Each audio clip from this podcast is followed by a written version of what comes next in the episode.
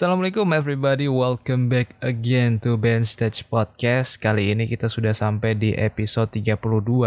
Nah, ini hari ini kita akan mencoba untuk membahas series tentang belajar investasi. Tetapi sebelum masuk, kita intro dulu, bro. Welcome to Band Stage Podcast.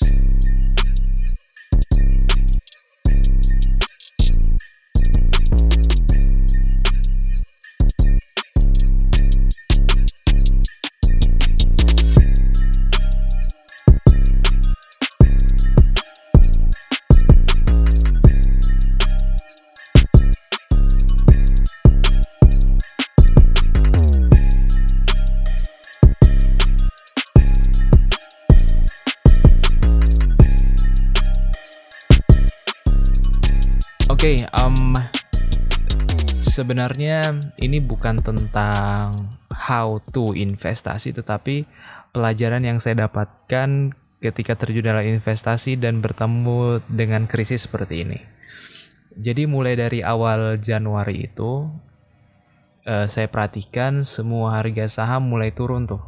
Ketika pertama kali eh, COVID-19 ini menyebar di Cina dan kemudian beberapa berita mengabarkan bahwa ini merupakan virus baru sehingga apa ya belum ada kepastian bagaimana cara menanggulanginya atau obat apa saja yang bisa mengurangi. Sampai akhirnya di awal Januari perkembangan virus itu semakin masif dan belum ketemu gitu ya. Maksudnya solve-nya apa? Eh, penyelesaiannya apa? Sampai-sampai akhirnya Cina memberlakukan lockdown. Nah semua pemegang saham itu memutuskan untuk membeli semua saham mereka yang ada di bursa. Sehingga terjadi panic buying. Jadi harga saham itu langsung jatuh bebas tuh. Nah saya yang baru belajar investasi yang bukan saham, jadi saya baru belajar tentang reksadana itu juga kena imbasnya. Jadi waktu itu saldo kurang lebih sekitar 4 jutaan, itu returnnya sudah hampir ya, hampir 200 ribuan itu sekitar jangka waktu 4 bulan yang lalu. Jadi 4 bulan yang lalu dengan saldo yang selalu di top up gitu ya jadi nggak langsung 4 juta jadi kadang satu setengah kemudian satu juta sampai akhirnya 4 juta itu return udah 200 ribu. Nah tiba-tiba dalam beberapa beberapa hari atau dua minggu yang lalu kalau nggak salah itu dari yang 200 ribuan itu langsung minus 50 ribu dalam beberapa hari kemudian gitu. Langsung langsung panik juga dong langsung saya langsung jual semua tuh sahamnya. Yang awalnya saya cuma pakai sebagian karena ini kan lagi work from home ya, jadi nggak ada pemasukan sama sekali. Jadi saya ambil setengahnya dan lihat pasar yang lama kelamaan ini nggak pasti gitu ya, nggak tahu kapan dia naik lagi dan justru suasananya ini akan cenderung turun. Jadi mau nggak mau langsung saya jual semuanya tuh. Akhirnya minus 50 ribu gitu. Untungnya masih 50 ribu men. Kalau punya gigi itu dia dia minusnya 150 ribu. Wah kasihan banget tuh. Nggak apa-apa itu anggap saja sebagai uang untuk belajar ya. Kita belajar dalam investasi gitu. Nah dengar berita tersebut kemudian mendengar beberapa podcast terutama podcast dari Mbak Ligwina dan Mas Raditya Dika tuh dari fenomena krisis seperti ini saya mendapat beberapa pelajaran gitu yang sangat penting yang saya rasa teman-teman yang ingin belajar investasi pun bisa mendapat manfaat dari kejadian seperti ini. Yang pertama yang saya rasakan poin pertama adalah investasi itu sebenarnya ada yang lebih penting lagi dari investasi yaitu dana darurat. Karena eh, dana darurat itu adalah dana yang akan kita pakai sewaktu-waktu yang harus likuiditasnya tinggi sehingga eh, ketika terjadi krisis ini kita nggak dapat gaji atau gaji kita mandek atau telat gitu ya kita bisa menggunakan dana darurat tersebut gitu. Nah, gimana menyusun untuk dana darurat ini? Nah, menurut beliau itu, menurut Mbak Ligwina ini, dana darurat itu baiknya pengeluaran kita dikali tiga. Jadi logikanya misalnya kita pengeluaran sebulannya ini 2 jutaan nih misalnya. Nah kita kali tiga tuh dana daruratnya sehingga dana darurat kita itu sekitar 6 jutaan. Dengan asumsi bahwa uang 6 jutaan itu bisa kita pakai untuk memperpanjang uh, kehidupan kita selama tiga bulan ke depan. Karena tentu kalau misalnya uh, kita misalnya ya nauzubillah min zalik sih Maksudnya kehilangan pekerjaan nih, kehilangan pekerjaan kita punya dana darurat. Nah kita bisa menggunakan dua atau tiga bulan tersebut untuk mencari pekerjaan dengan uang yang kita miliki atau tidak. Uh, kita ingin membeli sesuatu hal yang mendesak atau terjadi sesuatu hal yang tidak kita inginkan, kita mempunyai dana darurat yang lebih penting sehingga uang investasi yang sudah kita investasikan itu kita nggak tarik lagi gitu. Jadi amannya itu uh, dana darurat tiga kali dari pengeluaran rutin kita. Jadi bukan keinginan ya, pengeluaran rutin kayak misalnya makan, kemudian listrik, kemudian internet, kemudian e, kalau sudah punya anak biasa ada biaya sekolah dan lain sebagainya. Nah itu dikali tiga.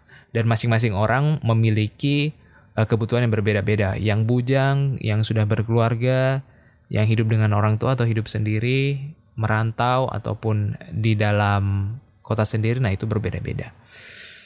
Itu poin yang pertama. Kemudian poin yang kedua adalah menyebarkan instrumen investasi dan keuangan kita gitu. Jangan semua uang kita misalnya gaji nih, kita punya gaji anggaplah misalnya 3 juta. Kita punya pengeluaran rutin misalnya satu setengah, satu setengah juta.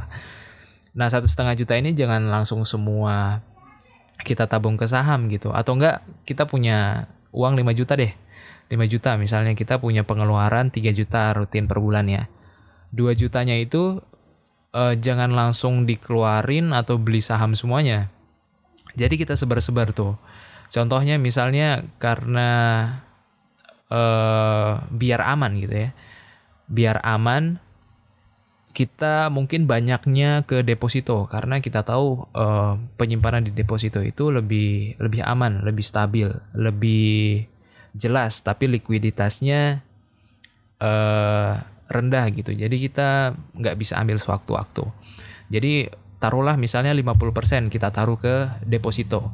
Kemudian 50%-nya itu kita alih, uh, alihkan juga ke pasar saham. Ya, tapi pasar sahamnya pun dibagi-bagi Contoh misalnya dalam 50% itu kita alokasikan pasar saham, nanti jenis instrumennya 20% di pasar uang, kemudian 20%-nya di saham, kemudian 10% di reksadana misalnya. Nah, tapi ini juga tergantung profil resiko kita. Kalau misalnya kita it's okay dengan harga yang naik turun naik turun, sahamnya mungkin bisa 20%, pasar uangnya 10%. Atau misalnya kalau kita nggak bisa ya lihat kayak keadaan keadaan harga yang selalu naik turun ya mungkin sahamnya 10% aja. Jadi kita pengen aman lebih banyakin ke pasar uang aja. Nah tapi kan punya punya apa ya punya kelebihan masing-masing. Kalau saham memang dia fluktuatif tetapi returnnya juga bisa tinggi. Sedangkan kalau ke pasar uang itu returnnya sedikit tetapi lebih stabil gitu. Nah itu teman-teman bisa uh, bisa apa ya bisa menyebarkan ke segala instrumen. Atau enggak mungkin uh, 30 persennya aja ke saham. Terus 20 persennya kita alihkan ke properti misalnya. Itu kalau teman-teman punya punya uang lebih bisa seperti itu. Nah sehingga ditujukan ketika krisis datang, saham yang sebenarnya turun, contoh misalnya sahamnya turunnya gila-gilaan nih, misalnya kita rugi jutaan misalnya. Kita rugi jutaan, tetapi itu sebenarnya kita nggak rugi 100%. Jadi itu kita rugi sekitar 20% kalau kita mengalokasikan ke saham tadi ya. Sekitar 20% dari total aset yang kita punya. Jadi sebenarnya itu kita nggak rugi-rugi banget karena kita udah nyebarin instrumen keuangan kita di berbagai macam sektor. Atau enggak misalnya teman-teman kan kalau ngikut asuransi, kalau misalnya BPJS Ketenagakerjaan untuk yang bujang misalnya, yang maksudnya kita nggak minta, tetapi kan resikonya masih sedikit ya untuk kasus seperti ini, nah itu bisa ditarik gitu. Nah, dana itu yang bisa kita uh, alokasikan ke sana. Jadi ada dua poin penting yang saya pelajari dari krisis ini. Ini saat ini reksadana saya kosong, jadi semuanya ditarik. Jadi mungkin langkah berikutnya akan mencoba untuk menyusun dana darurat, kemudian untuk menyusun bagaimana caranya uang ini bisa bertambah gitu ya, di samping bekerja. Karena ya kalau bekerja kan hitungannya lama toh. Jadi kita harus tunggu bulan berikutnya setiap bulan. Jadi pengen mencoba untuk apa ya berdagang seperti itu. Nah ini sekarang masih meneliti pasarnya apa. Oke jadi teman-teman dua poin tadi yang saya pelajari. Jadi teman-teman yang mungkin sedang merasakan juga dampaknya dari COVID-19 ini terhadap pasar saham kita mungkin akan setuju ya tentang panik buying tadi ya secara secara naluri ya kita pasti buy buyback dong kita pasti akan panik buying dong soalnya kan kita nggak punya pegangan nih kalau teman-teman kayak tadi udah nyebar dan lain sebagainya saya rasa itu nggak masalah Nah, bagi teman-teman yang mungkin belajar reksadana, ini adalah saat yang tepat ya untuk membeli uh, reksadana atau saham karena banyak sekali saham-saham yang sudah turun. Jadi turunnya itu gila-gilaan. Nah, cuma karena saya nggak punya uang yang tanda kutip sudah nggak dipakai lagi ya, maksudnya sudah memenuhi semua kebutuhan gitu. Nah itu belum ada, sehingga kalau sebaiknya uang yang diinvestasikan itu adalah uang yang tidak akan kita ambil dalam jangka waktu dekat. Ya paling tidak minimal satu tahun ke depan baru bisa diambil. Walaupun bisa diambil sewaktu-waktu, tapi kan lebih bagus untuk menahannya ya minimal enam bulan atau satu tahun. Oke, itu saja. Uh, mudah-mudahan teman-teman bisa mendapatkan manfaatnya dari podcast ini. Terima kasih banyak sudah mendengarkan. Saya Om Ben, a Position. Wassalamualaikum warahmatullahi wabarakatuh.